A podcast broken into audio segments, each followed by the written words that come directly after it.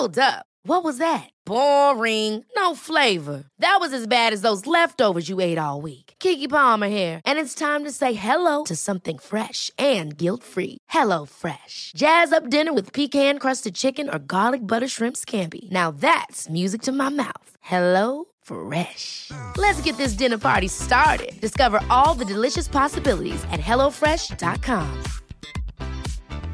Many of us have those stubborn pounds that seem impossible to lose, no matter how good we eat or how hard we work out. My solution is PlushCare. PlushCare is a leading telehealth provider with doctors who are there for you day and night to partner with you in your weight loss journey. They can prescribe FDA-approved weight loss medications like Wagovi and Zepbound for those who qualify. Plus, they accept most insurance plans. To get started, visit plushcare.com slash weight loss. That's plushcare.com slash weight loss. I'm Sandra, and I'm just the professional your small business was looking for. But you didn't hire me because you didn't use LinkedIn jobs. LinkedIn has professionals you can't find anywhere else, including those who aren't actively looking for a new job, but might be open to the perfect role, like me. In a given month, over 70% of LinkedIn users don't visit other leading job sites. So if you're not looking on LinkedIn, you'll miss out on great candidates like Sandra. Start hiring professionals like a professional. Post your free job on linkedin.com/achieve slash achieve today.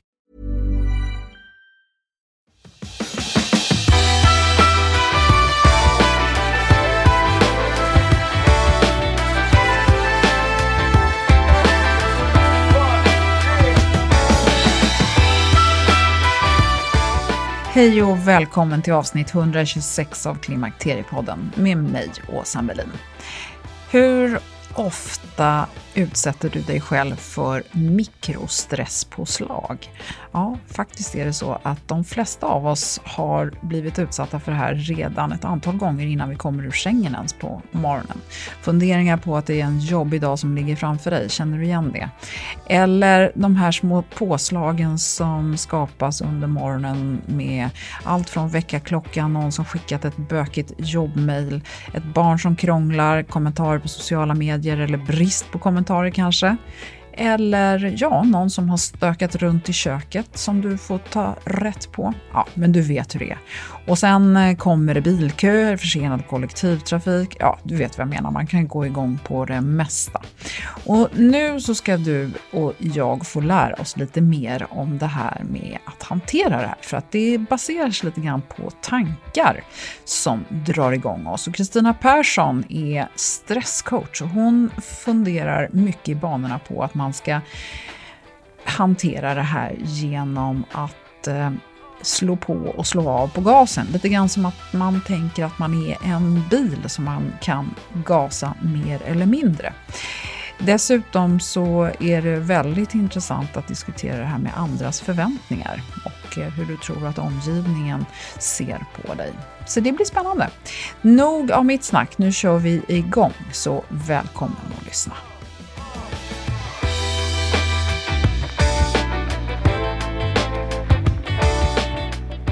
Kristina Persson, hjärtligt välkommen till Klimakteriepodden. Tack så mycket Åsa, trevligt. Ja, du är mental tränare och stresscoach. Ja. Vi har pratat mycket om det i Klimakteriepodden och nu ska vi prata ännu mer. Spännande. Ja. Du eh, har ju skrivit en bok som heter Mental Eco-driving. Och du håller föreläsningar och du jobbar ute i företag och hjälper till att se på stress ur ett energiperspektiv. Och inte bara som någonting negativt. Och det tycker jag, jag vill gärna att vi jobbar där. För att det är så lätt att vi hela tiden pratar om stress som någonting som ska bort, bort, bort. Och att det bara, bara ordet i sig kan få oss att må liksom dåligt. Och så här, men har vi inte pratat nog om det här nu? Så jag tänker att vi ska försöka lyfta det här ur ett litet nytt perspektiv. Spännande, och det är precis det jag brinner för. Att liksom ta ett nytt angreppssätt just med det här med stress. Att se det som vår inre motor och kraftkälla istället. För om vi tittar på det här, vad är stress egentligen? Det är ju en vad ska jag säga, det är hormoner och signalsubstanser som är igång hela dygnet. Och det är ju då kroppen som ansamlar den energi som vi har samlat i våra celler för att vi ska få kraft och kunna möta de utmaningar som vi ställs inför. Så det är det här kamp, gamla kampflyktbeteendet som går igång egentligen. Om man nu liksom från att sova, om det är noll, och liksom springa eh, för livet är tio... Det måste ju finnas någonting som är lite mitt emellan som inte ens är stress. Absolut, och det är det lite grann. Men bara för att hitta ytterligheterna så, så är bara visa att där är det, då är det där man har den här absolut fantastiska kraften. Och var ungefär på den här skalan är man? Det kanske inte är relevant, men förstår du vad jag menar? Ja, jag förstår vad du menar. Och det, det ska man ju veta att vi människor, vi blir belastade, för egentligen så är det ju vår kropps, vår organism egentligen sätt att reagera på hot och utmaningar som vi ställs inför. Problemet är ju att det funkar ju jättebra om det kommer fram någon som ska döda dig och man behöver liksom fly därifrån. Då är det ju jättebra att få den här jättekicken som man får och sen kunna undfly den här. Men är det så, vår kropp fungerar precis på samma sätt om det bara är tankarna som driver på det här stresspåslaget. Att man tyck, tror att nu är jag utmanad på ett eller annat sätt. Och det kan ju låta konstigt, eller hur? Men du har säkert eh, vaknat upp ur en mardröm någon gång och känt hur hjärtat slår och kanske är svettig. Det är ju hjärnan som då har gått igång själv. Så du kan alltså driva på det här stresspåslaget genom din hjärna. Så tankespöke kan få samma effekt som att det verkligen står någon framför dig. Och det är egentligen här då man kan med mental träning fundera på vad är det för utmaning jag får? Ska jag trycka gasen i botten och få ett högt stresspåslag eller ska jag liksom, nu är det bara mina tankespöken som driver på. När vi har ett högt stresspåslag och absolut när vi går igång och, och står, när vi verkligen ska prestera, så är det som att ha en strut för ögonen. Och det är, jag vet inte om du har spelat strutfotboll? Men det är i alla fall, då springer man runt med en strut för ögonen och du kan ju tänka, då har du bara ett litet, litet hål att se ut igenom.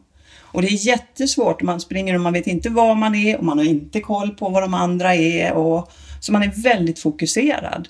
Och det är ju energin i stress, ett bra högt stresspåslag. Men då har man en strut, att man blir väldigt fokuserad.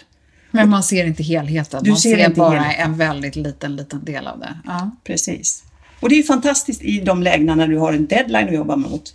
Men är det så att du ska börja fundera på något problem eller se dina medarbetare, dina vänner och kollegor, ja men då måste man liksom släppa på stresspåslaget och sänka stresspåslaget i kroppen. Och då öppnar vi upp, då tar vi struten för ögonen. Men om vi fortsätter där då, Mm. om, med stress som tillgång. Var är, nu, tillgången är att man får chansen att kanske fokusera på någonting och vara skarp precis där och då när man behöver det. Men jag upplever ju att i livet generellt så är det väldigt sällan man kanske måste vara precis där, utan nu är vi tillbaka till den här, på den här skalan. Ofta ska man ju vara liksom balanserad i någon slags, på någon femma. Förstår du på, Mm. eh, vad jag far efter? Ja, och, och det vill jag ju säga att det är ju över tid om man då tittar på. Eh, det är också så att oftast då blir det att vi går in i vanemönster och är vi vana med att alltid vara på topp och alltid prestera och trycka gasen i botten. För det är ju så att vi får ju mycket, vi får kraft av att ha ett högt stresspåslag och vi får fokus. Och det är lätt att man liksom fastnar i den här kraften, man vill ha den här kicken. Och då ligger man för högt normalt sett. Det har jag själv gjort.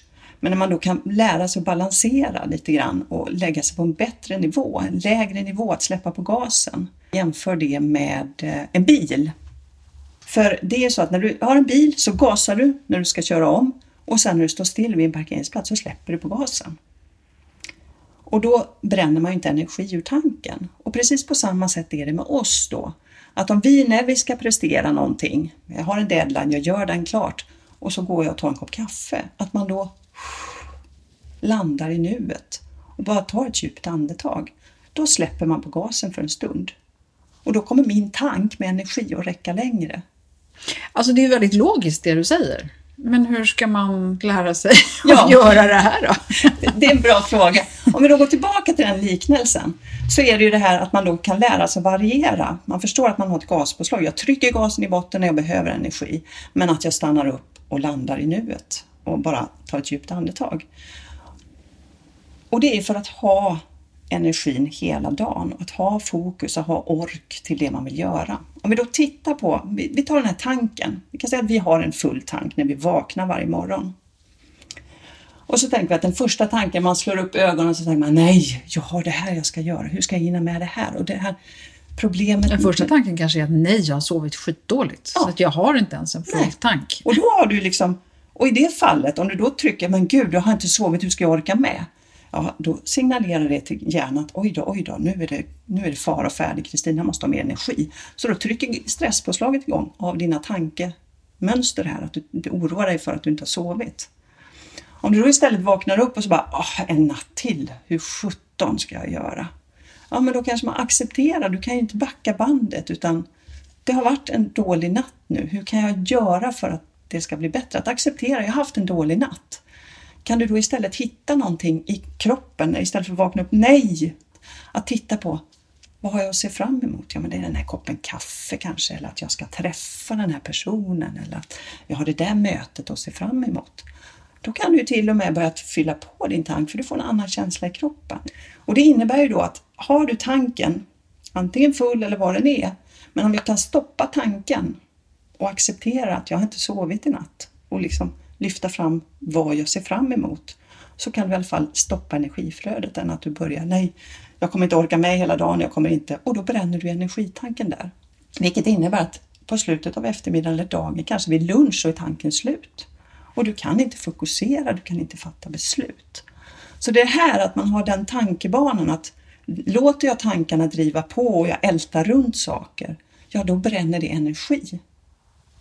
Så det är lite grann ur det perspektivet som man förstår energiflödet som man kan påverka genom sina tankar. Och det är ju givet som du har tagit upp i många av dina tidigare program att det är ju inte bara tankarna som påverkar det här utan det är också sömnen, vad du äter och hur du tränar. Alla parametrar hänger ju ihop med det här med energi. Om vi eh, pratar om, om att man ska skapa en mental krockkudde som är en av de andra metaforerna du använder. Vad, vad, vad menar du med det? Vi belastas olika gånger i perioder. Över, det kan vara småbarnsperioder, det kan vara sjukdomar, det var skilsmässor, det kan vara karriär, nytt jobb och så vidare. Så det är olika belastningar man ställs inför kontinuerligt.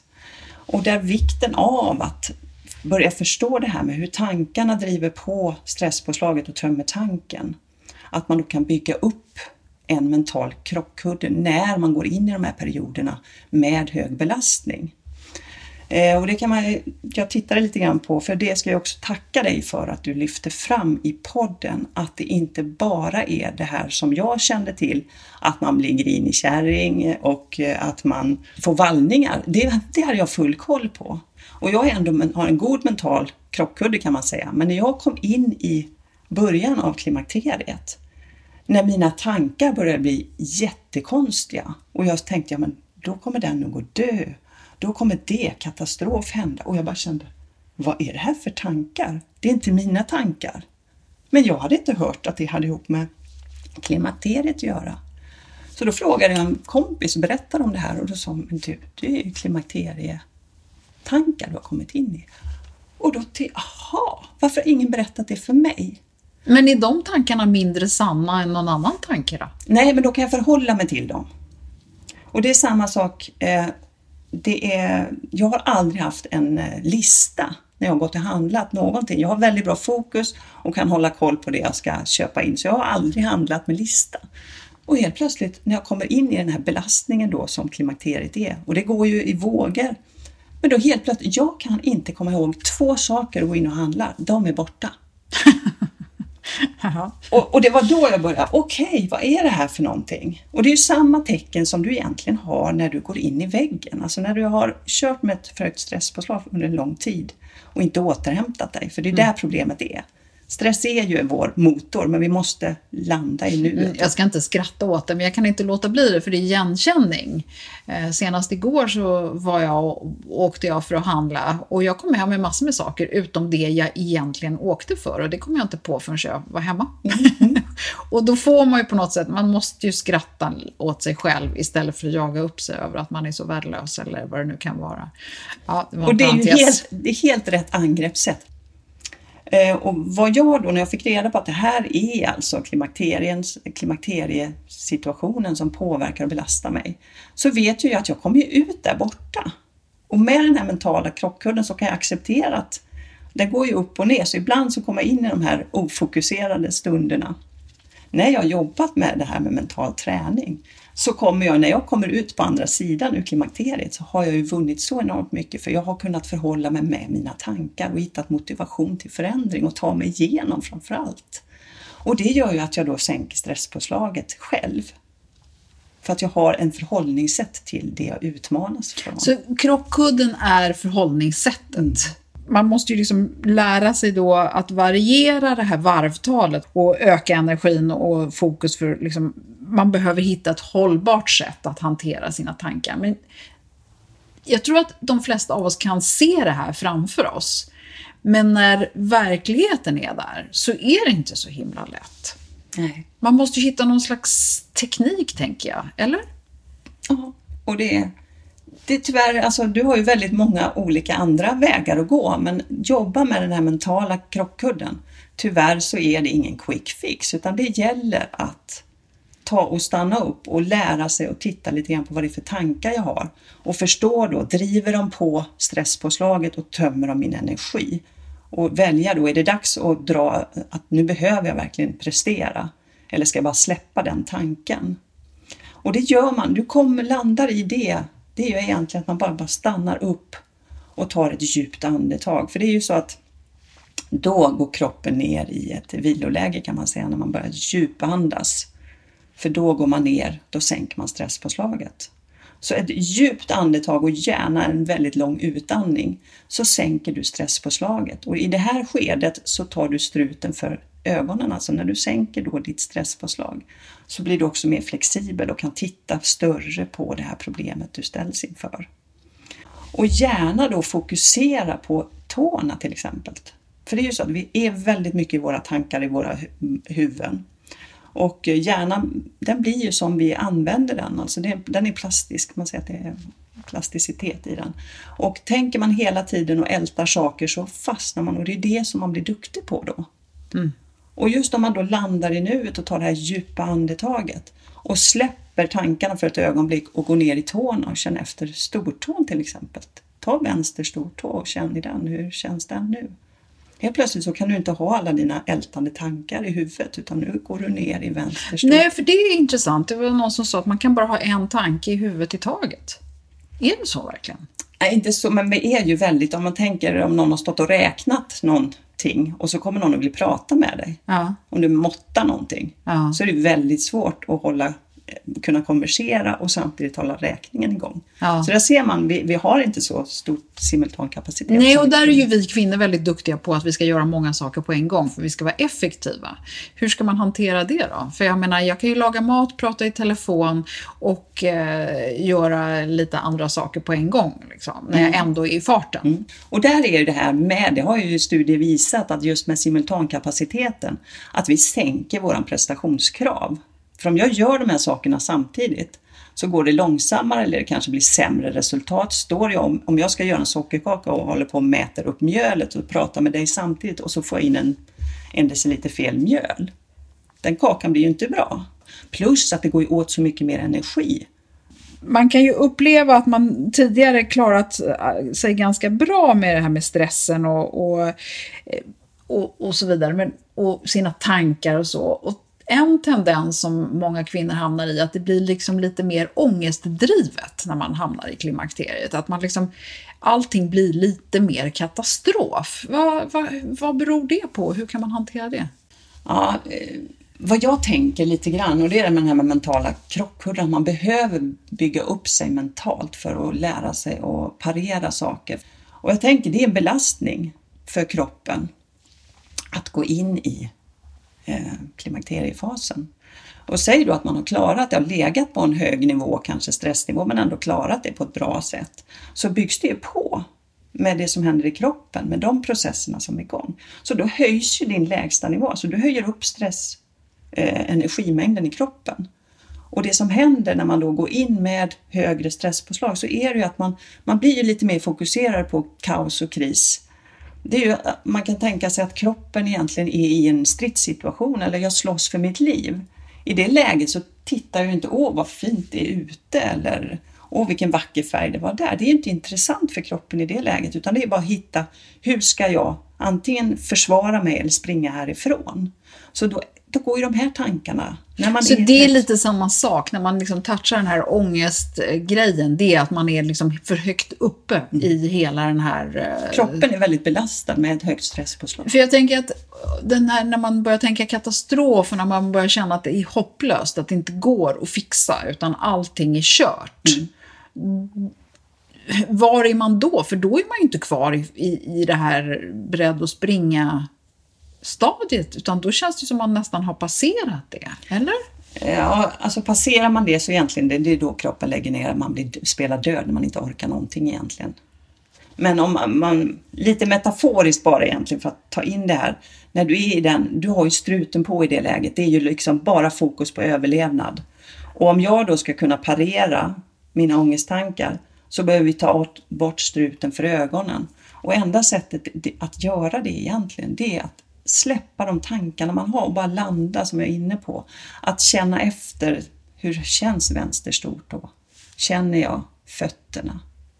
Eller skratta är ju en sån här fantastisk grej. Ta fram någonting som får dig att må bra då. Du kanske har någon sketch du tittar på eller någon musik som du tycker om som får dig att liksom gå ifrån den här eh, fasen där du liksom bara är i de här kaostankarna. Att ja, landa. Okay. Andningen, kanske någon bild eller någon kort eh, filmsnutt mm. eller en härlig tanke eller vad det nu kan vara. Mm. Det, och sen så fokusera på en annan kroppsdel, för mm. det klarar inte om man inte är uppe i huvudet utan Nej. man får vara i tån. Försöka.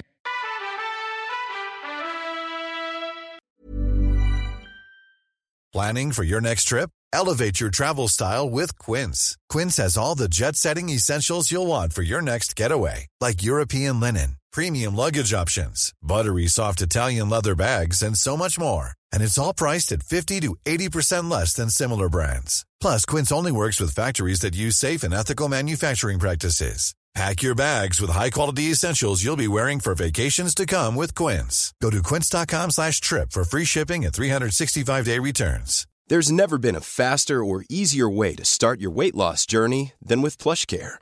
PlushCare accepts most insurance plans and gives you online access to board-certified physicians who can prescribe FDA-approved weight loss medications like Wigovi and Zepbound for those who qualify.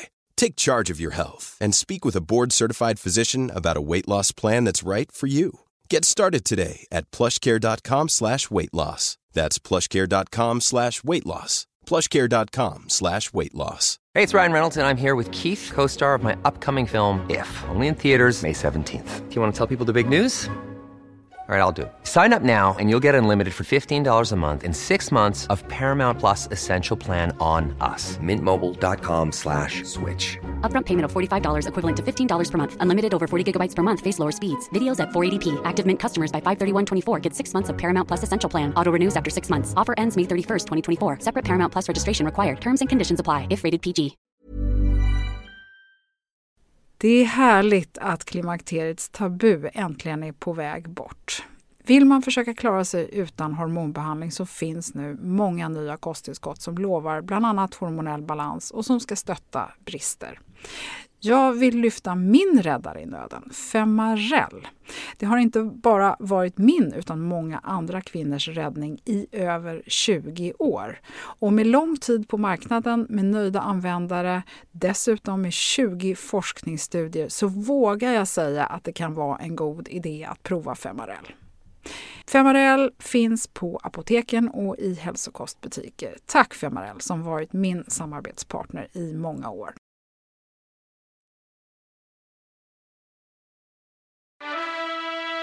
Vad har vi mer för någon teknik som vi kan väva in ja, här? Ja, det är ju någonting att börja räkna baklänges till exempel. Det, då har du ju fullt upp med att bara göra det. Då kan du inte ha kaostankarna samtidigt. Nej. Utan... Och ska man applicera det här när som helst? Absolut. Ju mer, alltså man får in det i vardagen. Och det jag säger, alltså ta ett djupt andetag för att det är liksom så mycket värt. Men fungerar inte det och det är jobbigt, för det ska man ju veta också att har man gått med ett högt stresspåslag så har man en väldigt ytlig andning och då kan det vara jobbigt att jobba med andningen men det är en riktigt bra insikt att här behöver jag jobba med om du har svårt med andningen. Att djupandas, att ta andetaget ända ner i magen. Mm. Och det finns ju, eh, finns ju mängder av eh, olika appar och möjligheter att man kan ta hjälp av någon att ta en kroppsskanning eller mindfulness och att man liksom bara får känna igenom kroppen för att släppa tankarna. Och det här är svårt i början och när man är i den här kaossituationen för då tankarna går så otroligt mycket. Så då får man bara vara nöjd att man liksom bara kan gå ner i tån mm. för ett litet ögonblick. Mm. Du talar ju också om att det här med resursslöseri, mycket handlar om att vi inte liksom förstår hjärnan. Kan du inte berätta vad du menar med det? Jo, det är ju det här med att man går in, hjärnan gör så, lägger så mycket som möjligt i vanor och rutiner för att den, liksom, den tar 20 procent av all energi som vi har i kroppen. Och den lägger så mycket som möjligt i van, vanemönster så att vi inte tänker på det utan det liksom bara fortgår. Och det är det som som mycket är, att man går med höga stresspåslag hela tiden för att man liksom, man, det blir vana. Man samlar på sig väldigt mycket spänningar. För är det så att man är van att driva på med ett högt stresspåslag, det innebär också att kroppen spänner sig. Den ger ju energi men den spänner sig också. Så vi har ju muskler som, som spänns. Och risken är att man går med dem konstant, mm. vilket ger givetvis verk, men det tar ju också kraft för att du får ju inte ut den effekten du har i, dina, i kroppen egentligen när musklerna bara stannar och blir fast i ett läge. Fryser fast. Liksom. Fryser fast. Ah. Och det är därför jag kommer tillbaka till den att när man liksom tar det här djupa andetaget och bara låter kroppen slappna av flera gånger under dagen så, så känner du också, okej, okay, där var vad spänd jag var. För det gör man inte när man har struten på och presterar. Tankarna, våra hjärnspöken, våra, de driver på stresspåslag vilket gör att vi tappar energi. Och det är helt okej okay om det är så att jag måste prestera nu, att man trycker gasen i botten. Men är det så att jag hamnar i en kö och driver, blir förbannad och tycker att det här, varför väljer jag fel kö? Ja, men då kan man släppa den tanken och behålla energin till någonting som händer senare. Så det är att hela tiden förstå att hur jag möter och går jag igång på den tanken som dyker upp. Och det är väl egentligen där den mentala krockkudden är. Att man till att börja med bara får inventera vad det är för tankar jag har och kunna släppa den. Och när man har lärt sig det, att inte liksom fastna i den här, den kletar sig fast och man börjar älta saker, utan bara okej, okay, där är en ältande tanke, ja, då släpper jag den nu. För sen, när man har lärt sig det här, så kan man börja jobba med de saker som är verkligt jobbiga. Många tankar har ju att göra med vår omgivning och personer som finns i vår närhet. Hur, hur ska man liksom hantera det då? Eh, och det är det också jag vill säga att vi, vi är inte sanna mot oss själva när vi springer runt och i ekorrhjulet och allting går så fort och vi har strut för ögonen. Då är vi inte sanna mot oss själva heller och vet inte vad, vad vill jag, vad har jag för behov, utan man går liksom på instinkt. Och här är någonting som många av dem jag tränar, att man då, de som presterar mycket och vill utvecklas och komma vidare, att man då tittar på det här med krav till exempel. För många gånger så har man ju sina egna krav och så tror man att andra förväntar sig saker av en. Och jag kan ju inte veta vilka krav någon annan har på mig. Men oftast då, har man då presterande och vill själv prestera mycket, ja då tror man ju att alla andra förväntar sig enormt mycket av mig. Och då är det en sak där jag tycker att stanna upp och fråga egentligen, vad förväntar du dig av mig? Och veta var ska jag lägga ribban så man inte går och mår dåligt och tror att jag kunde göra det bättre fast den här personen som vad det nu är, om det är på jobbet så kanske jag har levererat vad jag ska. Den som tar emot det är mycket nöjd fast jag inte själv är nöjd med det för jag tycker att jag borde ha levererat mycket bättre. Eller man ska besöka eh, vänner, mamma och pappa eller vad det nu kan vara för någonting. Att man tror att de förväntar sig så mycket mer för det här driver ju också på oro och ångest. Och det gör ju att vi tömmer tanken, att vi inte har energi till det vi vill göra. Så stäm av! Mm. Jättebra råd tycker jag. För, för där tror jag vi kvinnor är väldigt duktiga på att ta på oss alla andras förväntningar och att vi kan hela tiden göra bättre och vi ska vara så duktiga och vi ska vara så eh, överallt för alla och så. Mm. Ja en del som hör det här blir ju kanske jättestressade bara av att höra att det här är ytterligare en sak man ska lära sig och ta tag i och göra plats för. Och sen finns det kanske andra som har kommit ganska långt i det här, men ändå, hur gör man? Hur, hur börjar man? Man tar tag i andningen, man lär sig att stoppa in det i vardagen, man lär sig bemöta människor. Va, vad kan du mer ge för riktigt goda råd här? Det är ju som sagt att börja inventera och landa i nuet. Det är då du kan bli sann mot dig själv. När du tar bort den här struten och blir flexibel och kan fundera på det. Och ta det här djupa andetaget. Och är det så att det är jobbigt så börja skanna dina fötter och känna efter hur du känner i foten för då normalt sett så går andningen ner också när du släpper dina tankar som bara rullar. Och där är ju som sagt var grunden att börja förhålla dig, att inte, att inte gå på tanken. För tanken, du behöver inte agera på den. Det kan ju vara så att den tycker att Gud vad du är ful idag. Och så känner man, oh, jag är ful idag? Istället för att ja, men jag ser ut som jag ser ut. Och det är bara en tanke som kommer till mig, att jag bara släpper den tanken. Jag kan skratta åt det och liksom bara släppa den. Jag tänker det här med kaostankar som du pratade om tidigare. Det kan ju en, och det, det kan vara svårt, men att du då, okej, okay, jag har en kaostanke. Då kan du, okej, okay, jag släpper den. Och så tänker jag på, tänk, hur skulle jag vilja att det ska hända? Jo, och så tänker jag på det jag förväntar mig. Jag kommer att ha energi den här dagen fast jag har vaknat eh, väldigt många gånger i natt. Men jag kommer att jag kommer klara av den här dagen och, och i och med att jag är trött så kommer jag kunna sova i natt. Det var någon som sa, jag undrar om det kanske var Churchill till och med, som sa att han hade grubblat på massor med problem, men det var väldigt få som någonsin hade blivit reella eller verkliga eller som någonsin hade hänt.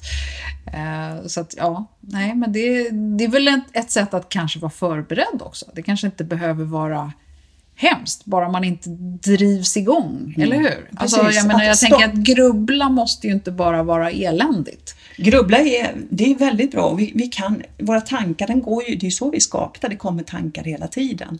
Men när vi inte kan hantera dem utan vi liksom sugs med i dem, det är därför man måste liksom bara landa i nuet och se vad är det för tankar, att man då kan stoppa tanken, att man inte går igång på tanken. Mm.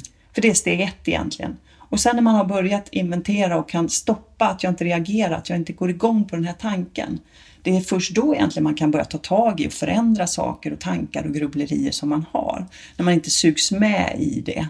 Tanken, mm. Men jag tänker, där är ju en del duktiga på det vi brukar kalla för att trycka undan känslor eller trycka undan tankar. Det är ju egentligen det du lite grann förespråkar. Nej, inte alls. Inte alls. Inte trycka undan, utan du ska bara förhålla dig till om den här tanken kommer att jag räcker inte till.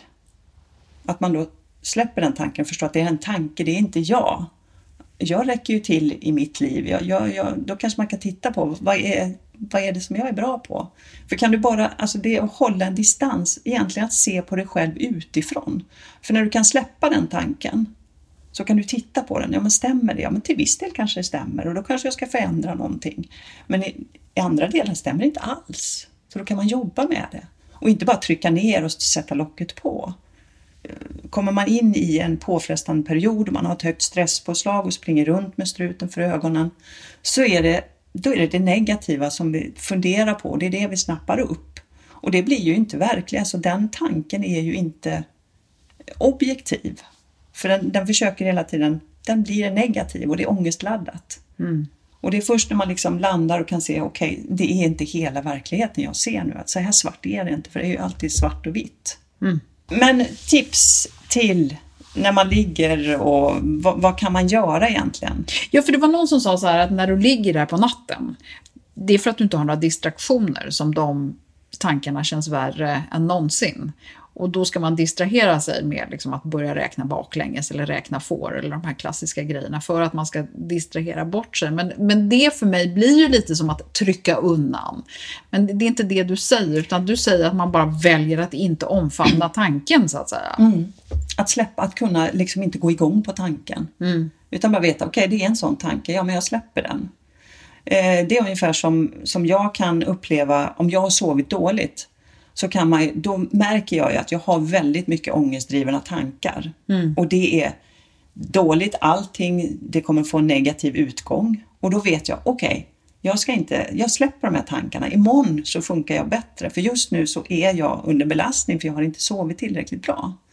Eh, och Stressforskningsinstitutet, eh, jag lyssnade på dem och de berättade bland annat med det här med, det är ju så många som har svårt att sova.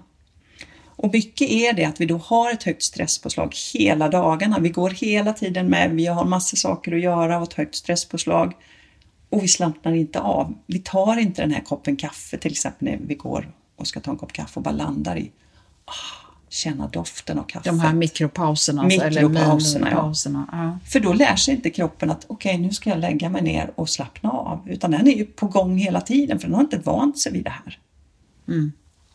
Så om vi ska göra en jättehärlig komprimerad sammanfattning av det vi har, eh, som är essensen av det du, du eh, predikar här. Bli medveten om vad är det du har för tankar och att man landar i nuet, att ta det där djupa andetaget. Och sen inte ta dig själv på för stort allvar, att lägg in skratt i din vardag.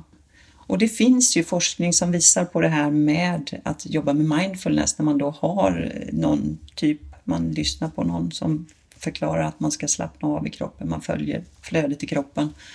Och där man då ser att det ger effekt. Så redan om man då lägger 15 minuter per dag, jag kan 15 minuter låta mycket, men att redan efter åtta veckor så har man sett resultat, att man då kan förhålla sig lite grann till tanken. Att man där då när man landar i kroppen så frigör man liksom luft kan man väl säga i tanken. Stanna upp lite grann och titta på vad är det jag vill förändra?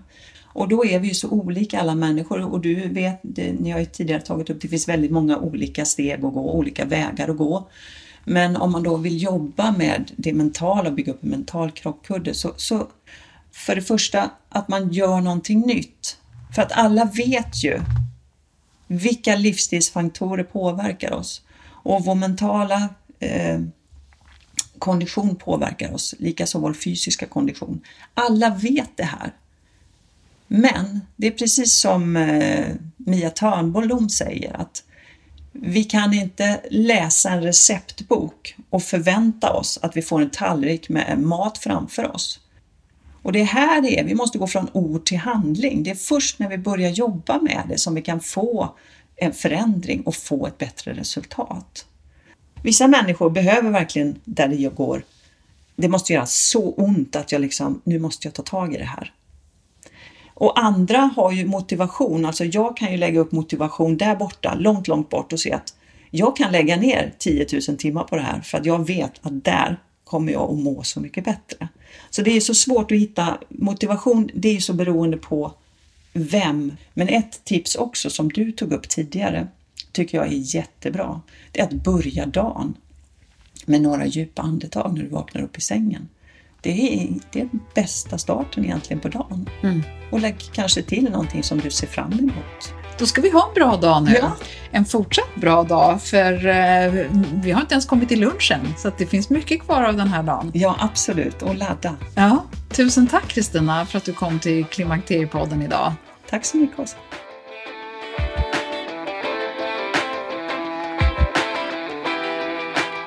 Ja, jag vet precis hur den där jobbiga, duktiga flickan känns.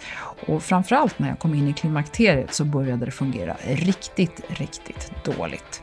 Och det tog ett bra tag innan jag förstod att jag faktiskt utsatte mig själv för extra mycket hormonella obalanser genom att pressa mig själv för hårt. Och jag har ju faktiskt lyckats få någorlunda styr på det här. Eh, mer om mig och mitt klimakterium och hur jag har hanterat det kan du höra om i avsnitt 100 om du är intresserad. I avsnitt 118 så talar jag om en rad tips och bland annat den här andningsövningen som Kristina nämner. Kristina Persson har skrivit boken Mental Ecodriving och den och mer om Kristina kan du läsa om på hennes hemsida som du hittar en länk till på klimakteriepodden.se och Facebook-sidan. Vill du höra mer om stresshantering och hur stress fungerar och påverkar oss så lyssna också på psykolog Anders Tengström i avsnitt 88 och 37. Väldigt lärorikt och konstruktivt och några av Klimakteriepoddens bästa avsnitt tycker jag själv. I nästa avsnitt så ska vi tala mage och tarmhälsa och hur en irriterad mage och tarm kan vara roten till allt från extra mycket klimakteriebesvär till alla möjliga sjukdomar. Så du ska få veta också hur man själv kan testa om man får i sig saker som man inte tål och komma till bukt med det här. Jag har med mig kost och näringsrådgivaren Victoria Karinci som bland annat jobbar med Mia Lundin på Hercare. Och eh, hon har även en utbildning inom funktionsmedicin. Otroligt spännande. Så missa inte det. Längtar du redan nu till nästa avsnitt så gå till klimakteriepodden.se Och så kanske du kan hitta något annat avsnitt som du har missat som du kan lyssna på under tiden. Stort tack för idag och hoppas du är med snart igen. Hej då!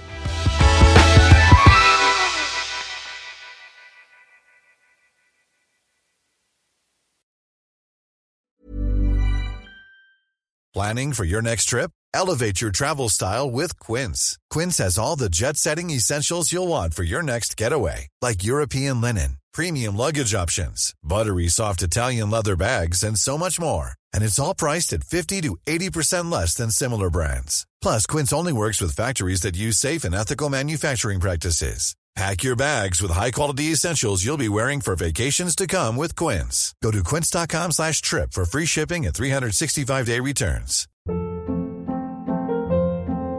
Hold up. What was that? Boring. No flavor. That was as bad as those leftovers you ate all week. Kiki Palmer here, and it's time to say hello to something fresh and guilt-free. Hello Fresh. Jazz up dinner with pecan-crusted chicken or garlic butter shrimp scampi. Now that's music to my mouth. Hello Fresh. Let's get this dinner party started. Discover all the delicious possibilities at hellofresh.com. Hi, I'm Daniel, founder of Pretty Litter. Cats and cat owners deserve better than any old fashioned litter. That's why I teamed up with scientists and veterinarians to create Pretty Litter. Its innovative crystal formula has superior odor control and weighs up to 80% less than clay litter. Pretty Litter even monitors health by changing colors to help detect early signs of potential illness. It's the world's smartest kitty litter. Go to prettylitter.com and use code ACAST for 20% off your first order and a free cat toy. Terms and conditions apply. See site for details.